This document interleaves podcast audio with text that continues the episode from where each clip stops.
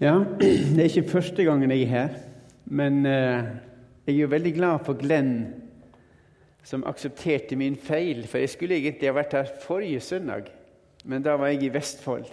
Så tusen takk til Glenn, og sorry til Torgeir at jeg ikke at jeg tok feil på det, at det var min feil. at det ikke var forrige. Men igjen, det er fantastisk flott å få lov å være her. Vi åpner dører. Vi er jo en samarbeids...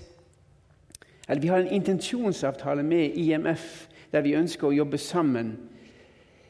Eh, og Da er ikke det bare slik at vi i Åpne dører skal suge fra dere, at det er vi som skal tjene på det. Vi ønsker jo at åpne dører, eller forfulgte kristne skal få lov å være inspirasjon til dere som forsamling, til dere som organisasjon. Um, og Vi er veldig glad for det. Jeg har lyst til å si det at nå I februar så skal vi faktisk på en tur til Egypt, og jeg tror det er plasser igjen. Og Vi ønsker jo at det er folk fra eh, Indremisjonsforbundet eh, av menighetene skal sende noen, en eller to, være med til Egypt og se hva som skjer der nede. For Mange snakker om eh, den arabiske vår, men det er jo blitt en, en kristen vinter for de kristne. De har fått det vanskeligere, men samtidig så går Guds rike frem i disse landene her, og i Egypt. Eh, en av de eh, prestene i Egypt ble kidnappa for, eh, for en god stund siden. Han var sikker på at nå, Gud, er min siste time kommet, og jeg, er klar Gud til å betale med livet mitt. Han blir kjørt rundt i Kairo.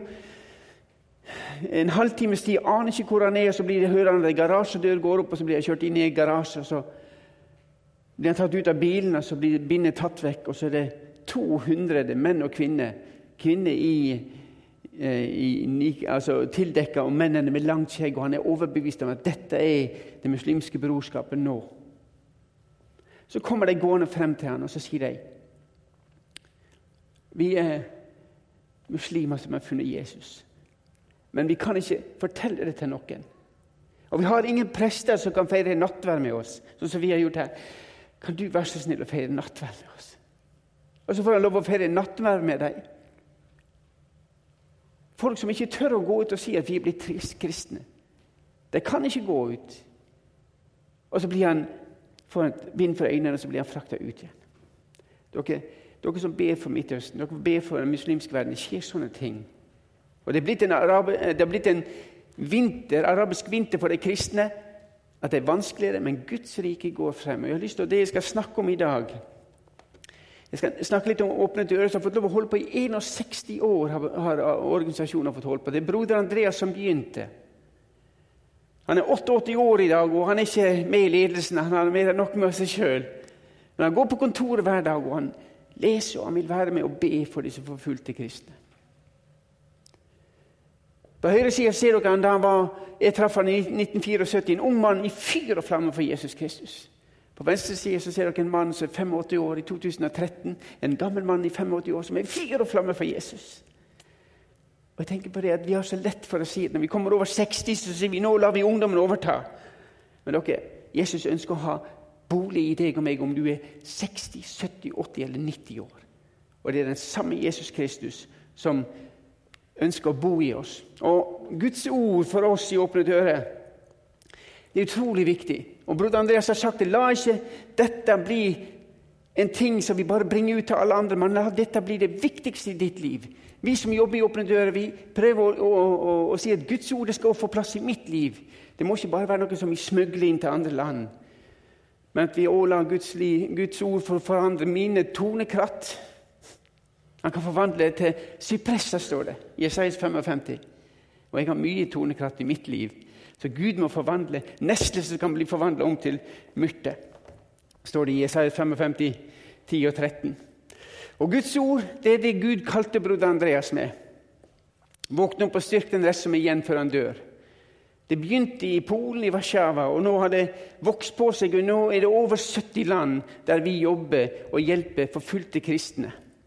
Eller vi er i tjeneste for de forfulgte kristne, kaller vi det. Og Når Gud kaller, så gir han nå et løfte.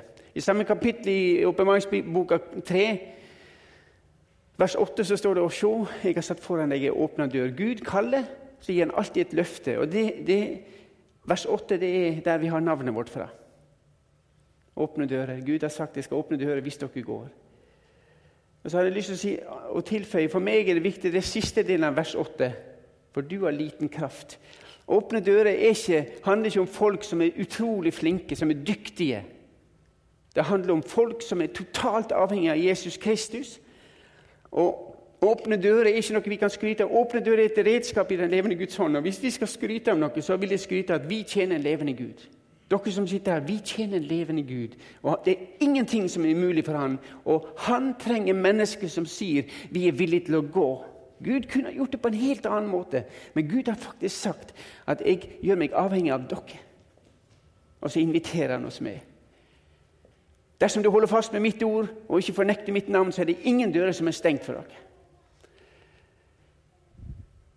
Verdenskartet som vi gir ut hvert eneste år på en helt annen måte enn andre verdenskart. Dette kartet forteller om de 50 landene hvor det er vanskeligst å være kristne.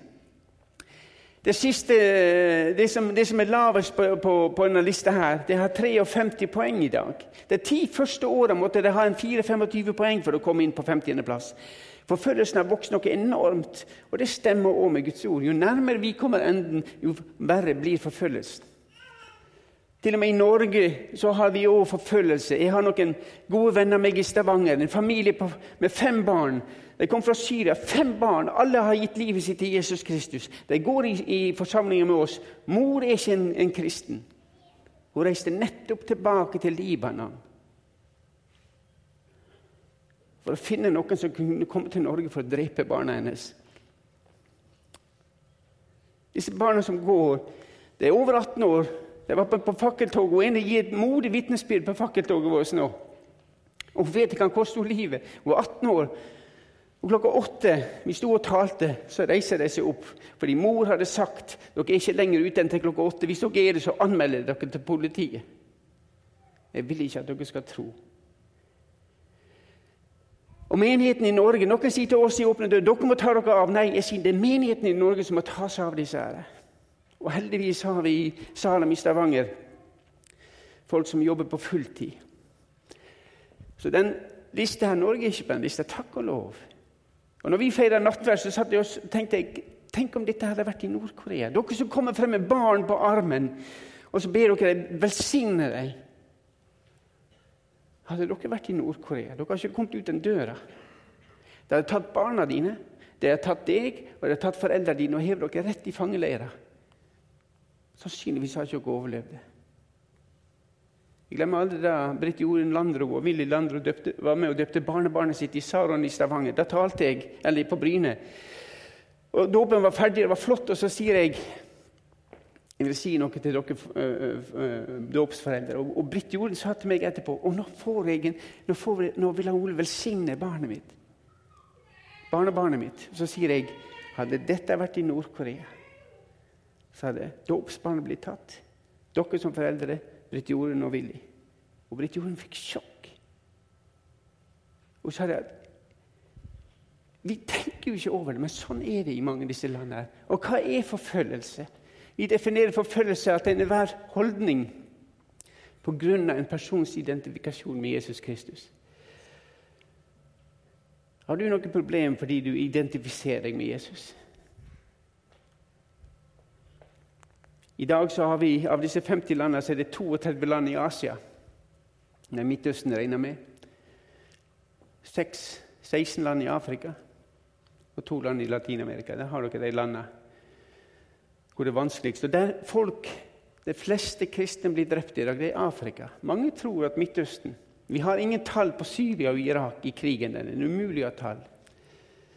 Men når vi regner opp tallene på de eh, martyrene som vi kan definere som vi finner ut rene martyrer I fjor var det 4400 stykker. I 2015. Over 2000 av dem var i Nigeria. Og Første halvår i år så er det mer enn 7000, og 4000 av dem kommer fra Nigeria. Afrika er det kontinentet hvor kristne betaler en høyest pris. Bare i Afrika er det 65 millioner kristne som blir forfulgt. Det er ikke det totale antallet, men det er 65 millioner kristne som blir forfulgt i Afrika. India der har du 47 millioner troende på Jesus Kristus som blir forfulgt fordi de tror på Jesus Kristus. Det er kjempejobb. Når vi åpner døren, vi sier Gud, vi klarer ikke dette. Derfor inviterer vi dere inn og så sier vil dere være med Vil dere være med og bety en forskjell. Bønn Bønn er det viktigste redskapet vi har fått. Og Gud som jeg sa, Gud inviterer dere med inn. Vil dere være med og, og bety en forskjell for dere? Vi gir ut det bladet vårt uh, en gang i måneden. Et lite blad. Vi kunne ha skrevet 200 sider. Vi har så mye informasjon. Hvis dere leter opp nyhetsbyrået til Åpne dører Vi har et nyhetsbyrå som vi kaller World Watch Monitor. Hundrevis av si, hundrevis av rapporter. Men vi velger egentlig å lage ett blad en, så det tar ca. en halvtime å lese gjennom. Og hvert blad så ser dere ett ansikt. Vi snakker om 100, 100, mer enn 100 millioner, men det er alltid et, en person bak disse forfølgelsene. Og så har vi en bønnekalender som vi òg legger inn i, inn i, uh, i uh, bladet vårt. Jeg har den liggende i Bibelen min. I dag bønne, ber vi om Mauritania. Vi ber for kvinnene. De fleste av dem kan ikke lese, men jeg lengter etter å høre om Jesus Kristus. Og Når jeg sier det, så vet dere det at når vi jobber i de landene, det handler ikke bare om å gi dem Bibelen. Vi må lære dem å lese. og Mange av dem får lov å lese. Når de kan, så får de en bibel. Og dere skal sette dem når de går ut med Bibelen under hånda, nei, under armen. Og de er stolte fordi at plutselig så kan vi lese. Vi kan lese sjøl fra Guds ord. Jeg har lyst til å sende rundt den lista der. Vil du gjøre det mens, mens jeg taler? Så slipper dere å stå i kø etterpå, for da vet jeg at dere gjør ikke det. Kan dere skrive dere på og så vær med å bety en forskjell for disse som er forfulgt. Og For 14. gangen så står Nord-Korea på topp på den lista. Og et jeg lurer på, Nordkoreanerne sier en dag så skal vi være fri. En dag skal vi få lov å prise Jesus Kristus, sånn som de gjør i Asia. På, på, på, på påskemorgen i Asia. Og I Nederland gjorde vi når vi bodde der. Da sto vi opp tidlig på påskemorgen, og så venta vi når sola kom opp. Og når sola sto opp, så begynte vi å synge 'Deg være ære'. Det gjør de i hele Asia, unntatt Nord-Korea. De, de, lengter den, den dagen de skal få lov å gå på et fjell og synge 'Deg være ære, for min Jesus leve'. Av disse landene er det 50 landene, er det 35 muslimske land. Men dere må ikke gjøre den feilen at dere blander og sier islam og muslimene er det samme. De muslimene som kommer til Norge i dag, ønsker å leve i frihet, sånn som du og jeg. De ønsker å gi fremtid til barna sine. Jeg skriver en artikkel som kommer i dagen på mandag, og der refererer til et brev av en pastor som vi jobber med. En omvendt muslim Hvis dere har dagen, les den artikkelen. Han, han, sier 'vær så snill, ta imot disse flyktningene som kommer'. De er vidåpne for Jesus kjærlighet. Hvis ikke dere presenterer evangeliet for dem, så blir de mer muslimske enn det de var når de var i hjemlandet. Vær så snill, ta imot dem. Dere har fått misjonsmarka sendt hjem til dere. Og som jeg sa, afrikanske land bærer en enorm byrde. Forsvant bildet fra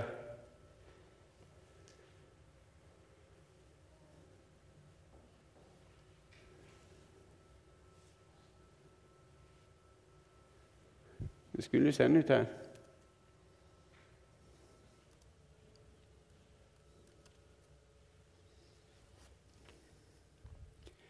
Jeg kan tale videre uten at dere får bildet. Gjør det. Um, jeg har et bilde, Hvis dere klarer å få det opp igjen Jeg har et bilde fra, fra Nord-Korea. Som jeg, er på skjermen hvis jeg får det frem. Teamet vårt som jobber inn til Nord-Korea, de sier vil dere be for oss. Teamlederen vår hadde prøvd, nordkoreanske agenter prøvd å ta livet hans tre ganger. Og Gud har avslørt disse angrepene hver gang. Han sier vil dere be om at vi blir fylt med Den hellige ånd, slik at når de agentene prøver å infiltrere arbeidet vårt, at vi, at vi kan avsløre dem. En av de damene som jobber med kvinner som kom fra Nord-Korea, hun, hun sa til meg Det er så vanskelig for meg å lede disse kvinnene som kommer fra Nord-Korea, til tro. Og jeg forsto egentlig ikke helt hva hun mente. Så sa jeg, 'Hva mener du nå?' Så sier hun, Du skjønner det, at hvis jeg leder deg til tro, så vet jeg at det kan koste deg livet. Fem som jeg nettopp ikke så lenge siden hadde hatt flere opplæringer på. Jeg var i Kina. På grenseområdet så ble vi tatt av det kinesiske politi. Jeg falt på mine knær, for jeg vet jo at Kina har en avtale sa hun, at jeg sender alle nordkoreanerne tilbake. Og Jeg falt på kne foran politiet og jeg sa vær så snill, ikke send dem. Det er min skyld. Det er jeg som har lært deg om Jesus. Det er jeg som har ført deg til Jesus. Send meg. Men hun blir sendt tilbake til Sør-Korea. Og disse fem blir sendt inn. Og etter det har jeg aldri sett det, sa Og det er vanskelig å lede deg til tro, for jeg vet det kan koste deg livet. Og så kommer et lite smil. Men en dag skal jeg treffe deg igjen. For jeg har gitt deg håp og fremtid. Disse som er her, det er et bilde jeg har fått. Det er, det er en sånn gruppe, og de tok med seg nordkoreanske festdrakter. Og De spurte disse nordkoreanske jentene vil dere ha det på dere. Så sier de ja, vi vil ha det på, for en dag så ber vi om at Nord-Korea skal få lov å feire Jesus Kristus. Og det her er et bønnemøte. Jeg, fått, jeg, får aldri lov å være med på disse her, fordi vi som taler, vi får ikke treffe det, det, men vi vet at det skjer. Og de sier vil dere be for oss. Eller ikke be for oss, men be med oss. Og Nordkoreanerne sier vi forstår nå at mange ber for oss, for aldri før har vi sett et sånt mot til å forkynne evangeliet som vi ser nå. Og når vi hører at kristne i Vesten ber for oss, ja, da forstår vi det. Er ei sa de at når Gud kaller meg til å evangelisere, så tar jeg barnet mitt, binder det på ryggen, så går jeg ut på veien, så går jeg. Og jeg, går, og jeg, stopper ikke før Gud sier hvem jeg skal snakke med. Og når den personen kommer mot meg, så sier jeg det Gud har lagt på hjertet mitt, så går jeg hjem igjen. Og så stoler jeg på at Den hellige ånd overbeviser deg. De som de har talt med. Slik går Guds rike frem i Nord-Korea. Og så kan en òg tenke som så det er lett å tenke som Gud, har du mista kontrollen? Men Gud har ikke mista kontrollen. Se på den filmen som kommer her.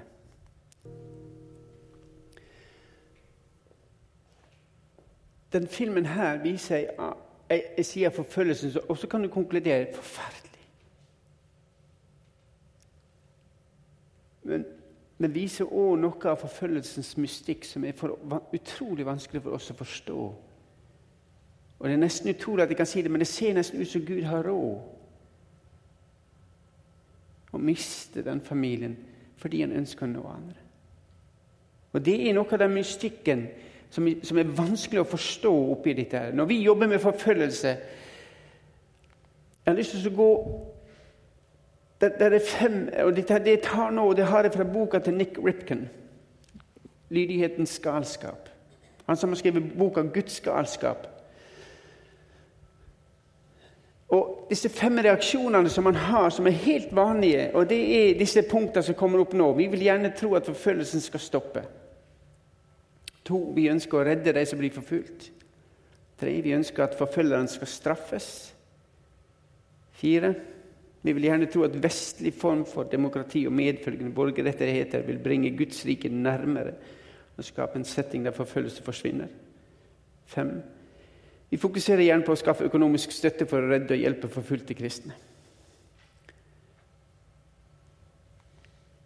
Um, det er i grunnen helt normale reaksjoner. Dette. Og det blir sett på som Selvfølgelig, sånn er det. Og det er nesten slik at ikke vi stiller spørsmål med det. Men hvis de prøver disse fem punktene mot Guds ord, så faller alle sammen. Jeg har lyst til å gå gjennom dem med dere. Vi vil gjerne at forfølgelsen skal stoppe. Jeg hører jo det at ja, bare vi jobber hardt nok, så vil, så vil det forsvinne i Nigeria. En dag så vil det åpnes opp i Nord-Korea, så er de ferdig. Men det er ikke det. Ifølge Guds ord så kommer det til å bli verre.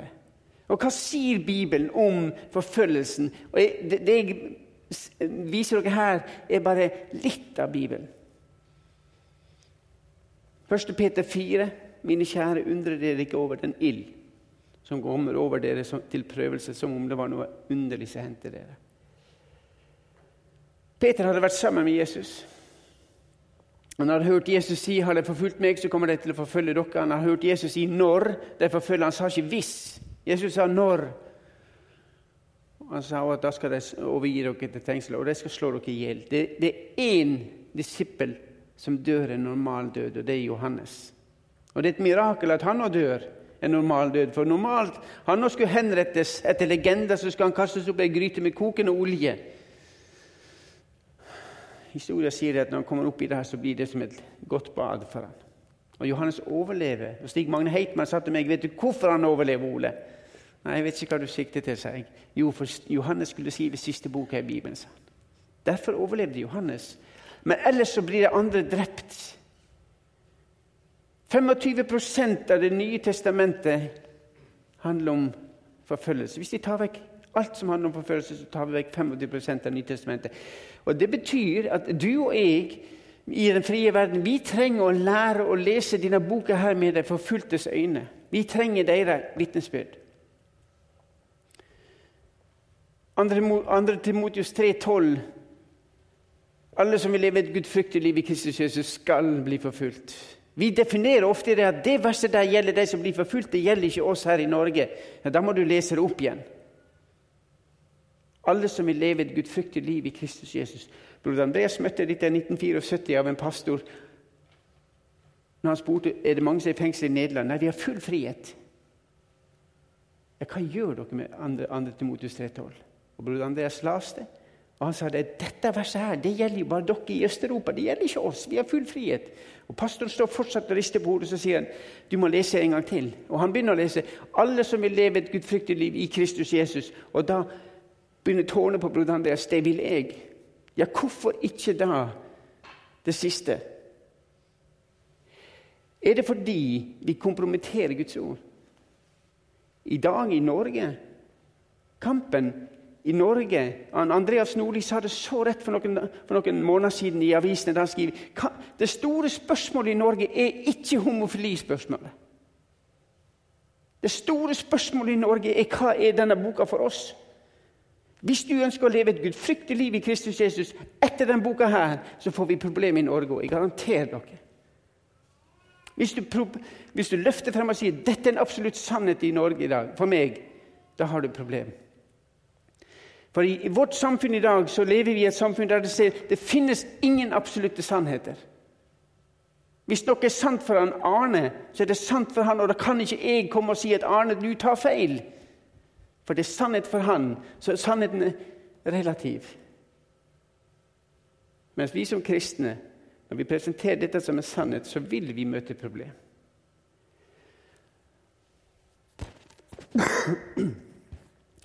Men det å presentere Kom og tro på Jesus. Jeg skal garantere dere trøbbel. Hvor mange kristne hvor mange vil vi ha fått vunnet i Norge på den måten? Jeg traff fire unge menn i Mexico som kom til pastoren sin og sier de, du må døpe oss. For vi har møtt Jesus. Og så sier, sier pastoren ja, mener dere det? Ja, du må døpe oss. Ja, men Da kan jeg garantere dere én ting. Ja, hva er det? Trøbbel, sier han.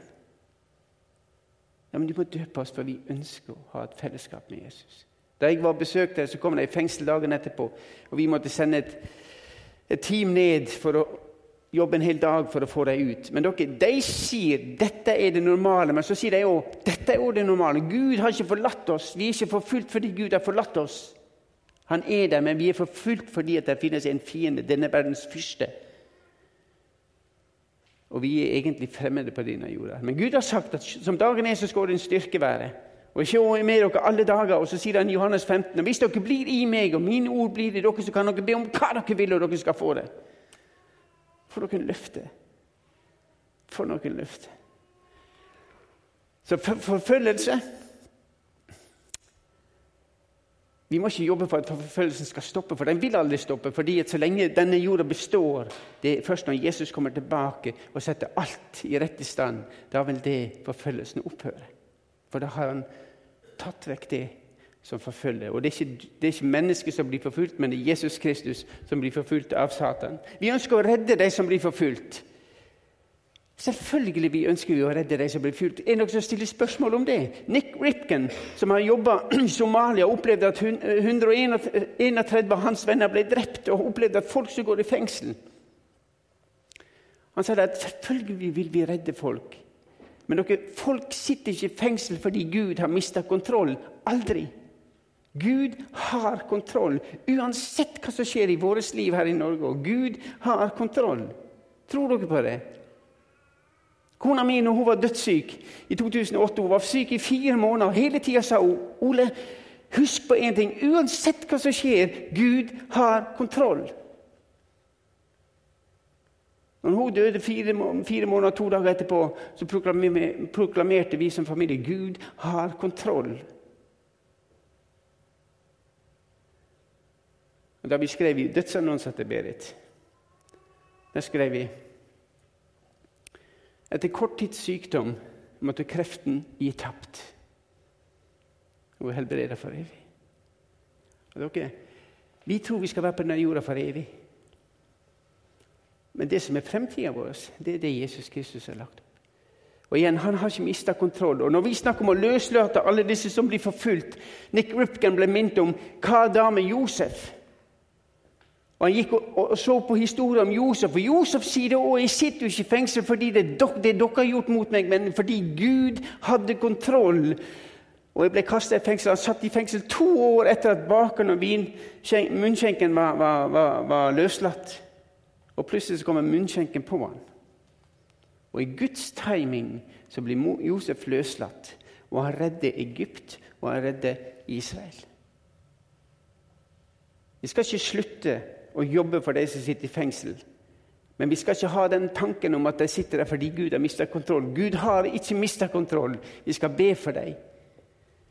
Til og med der har han kontroll. Tre, vi ønsker å straffe de som blir de som forfølger. Da det skjedde det som skjedde i Paris, og ikke så lenge etterpå så fikk vi høre at Amerikanerne hadde bomba IS. De hadde drept 43 IS-krigere, ble sagt på, på, på nyheten i Norge. Og Personlig så tenkte jeg hm, Ja Det kan ta igjen. Men så kom jeg til å tenke på noe broder Andreas sa i 2013 han var her oppe i Norge. Da var på 30-årsjubileet vårt. og Så sier han etter at jeg har vært her, så skal jeg reise til Pakistan. og Jeg skal ned til en menighet som mista 89 menighetsmedlemmer fordi det ble sprengt en bombe. Eller to bomber sprengtes idet de gikk ut av kirka si. Så sa broder Andreas den dagen gikk 89 mennesker hjem til Gud. Og to gikk til helvete. Og det var de som sprengte seg. De 43 IS-krigerne som ble drept i det bombeangrepet, ble bomba rett til helvete fordi de kjente ikke Jesus Kristus. Matteus 5. La oss dere Matteus 5 under Paris, det som skjedde i Paris i Europa. Jeg har sagt dere øye for øye. Og vet du, Av og til så, så ønsker vi at vi levde øye for øye, tann for tann. Nick Ripken som jeg sa, han hadde 135 kristne venner. 131 ble de drept. Han har fire igjen. Og Han sier at 'jeg har ikke vært i en begravelse der vi har hatt et legeme'. Det har vært skjult for oss. Vi har bare minnes dem. Den dagen jeg drap to av vennene mine i Mogadishu, Mogadishu, så gikk jeg gjennom gaten med bevæpna vakter. Jeg sa til dem 'hold dere bak meg'. Og Han gikk gjennom Mogadishus gater og ropte til Gud. og han, Så sier han disse, disse somalierne fortjener ikke Jesus Kristus. Nei, Jesu Kristi nåde. Gud, nå må du ta hevn. Jeg ønsker at du skal ta øye for øye, tann for tann. Ta deg, Gud. Og Gud stoppa Nick der. Han sa det at du sier at de ikke fortjener Jesu nåde, men det gjør ikke du heller, Nick. Og Nick ble rasende. Han sa til Gud, du våger ikke Gud å sammenligne meg med somalierne som tar livet av ditt folk. Og Gud sa til Nick, du var 18 år da jeg fant deg i fabrikken. Det var ikke du som fant meg, men du visste, du hadde hørt forkynnelsen fra Guds ord om Jesu Kristi kjærlighet, og du nekta, og jeg fant deg. Hvordan kan du anklage deg, som aldri har hørt Jesu Kristi kjærlighet? Og hvordan kan du forvente kjærlighet fra deg når det ikke er forsynt for deg? Du fortjener Jesus like lite som deg. Og Nick måtte erkjenne og måtte bøye seg og så sier Gud jeg òg er like ufortjent som deg. Og du kan få lov å stille meg i samme kategori. I vers 43 så sier Jesus du skal elske din neste. Dere har hørt jeg har sagt, du skal elske din neste og hate din fiende. Men jeg sier dere, elsk deres fiender. Velsign dem som forbanner dere. Gjør godt mot de som hater dere, og be for dem som mishandler dere og forfølger dere. Det er en ting å sitte i Norge og si dette, men det er en, annen ting i Syria. Når du møter folk som har mista barn, som har mista ektefelle, og de sier 'jeg velger å tilgi'. Det kan jeg bare si fordi Jesus Kristus har fått lov å ta bolig i deg. Og Jesus han krever ikke dette av oss. Han bare sier 'Kan jeg få lov å komme inn i livet ditt?' Slik at den karakteren blir din karakter fordi at jeg har tatt bolig i ditt liv. Punkt nummer fire. Vi vil gjerne tro at vestlige former for demokrati og medfølgende borgerrettigheter vil bringe Guds rike nærmere og skape en setting der forfølgelse forsvinner. Dette skulle tilsi at hele Vest-Europa var et vekkelseskontinent. Men det er ikke det. Guds rike går frem der forfølgelsen er hardest. Og Guds rike vokser ikke mye der friheten er. Og Jeg pleier også å si at jeg er mye mer redd for forfølgelsen enn jeg er redd for forførelsen. Satan begynte sin strategi i første Mosebok så begynte han med forførelsen. Har Gud virkelig sagt? Og I dag stilles det akkurat det samme spørsmålet.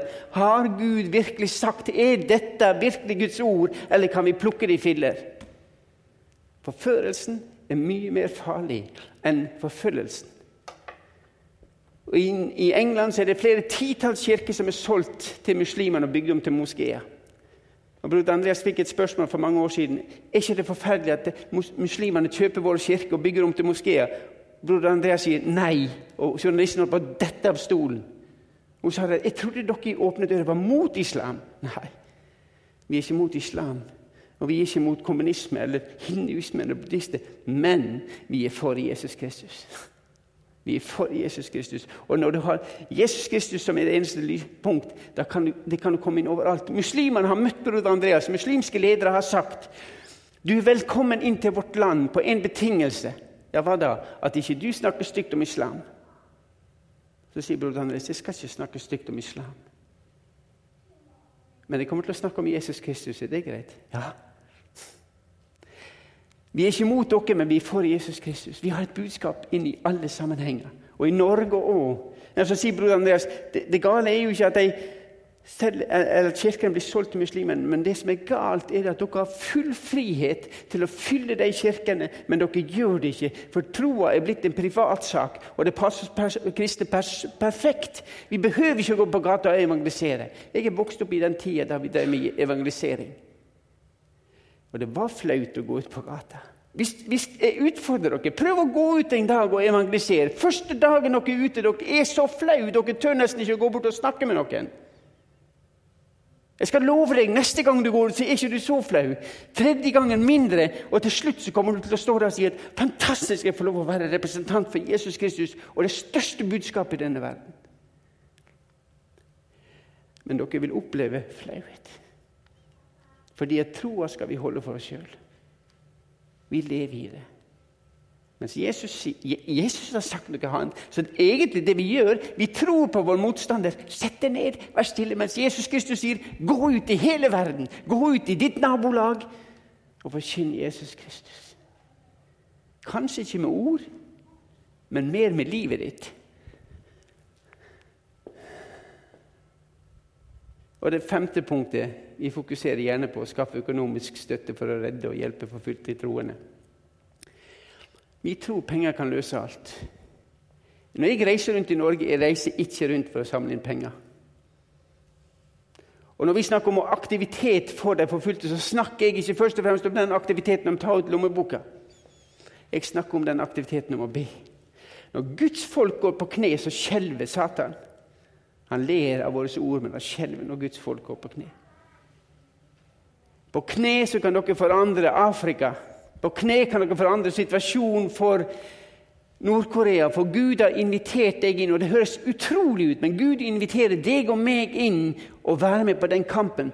Og Av og til så lurer jeg Gud, hvorfor kan du ikke gjøre det sjøl? Men han har sagt, 'Jeg vil ha dere med'. Og så sier du kanskje, 'Ja, men hvem er jeg?' jeg altså, Gjør vi oss liten? Og jeg pleier å si det, ja, men det kommer ikke an på den som ber, men det kommer an på den vi ber til. Og vi ber til en levende Gud. Nordkoreanske kristne sier at gjennom forfølgelse ser vi at Gud herliggjør kirken. Her, kirken. Og så sier de hvis vi dør, så dør vi.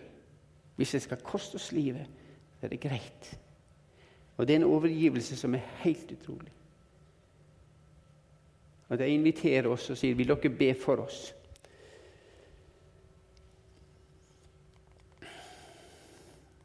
Jeg går litt fort frem her. Jeg, jeg har lyst til å utfordre dere litt. Hvis dere går inn på hjemmesida vår fordi Vi har et, en aksjon som heter Hope for uh, Syria.